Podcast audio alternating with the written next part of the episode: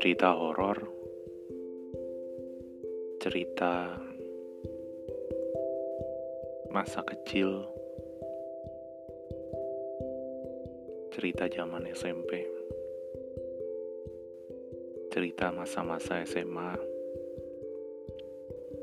cerita saat kuliah, cerita saat berjuang menjalani kehidupan nyata selepas dari masa-masa belajar dan pendidikan di sekolah.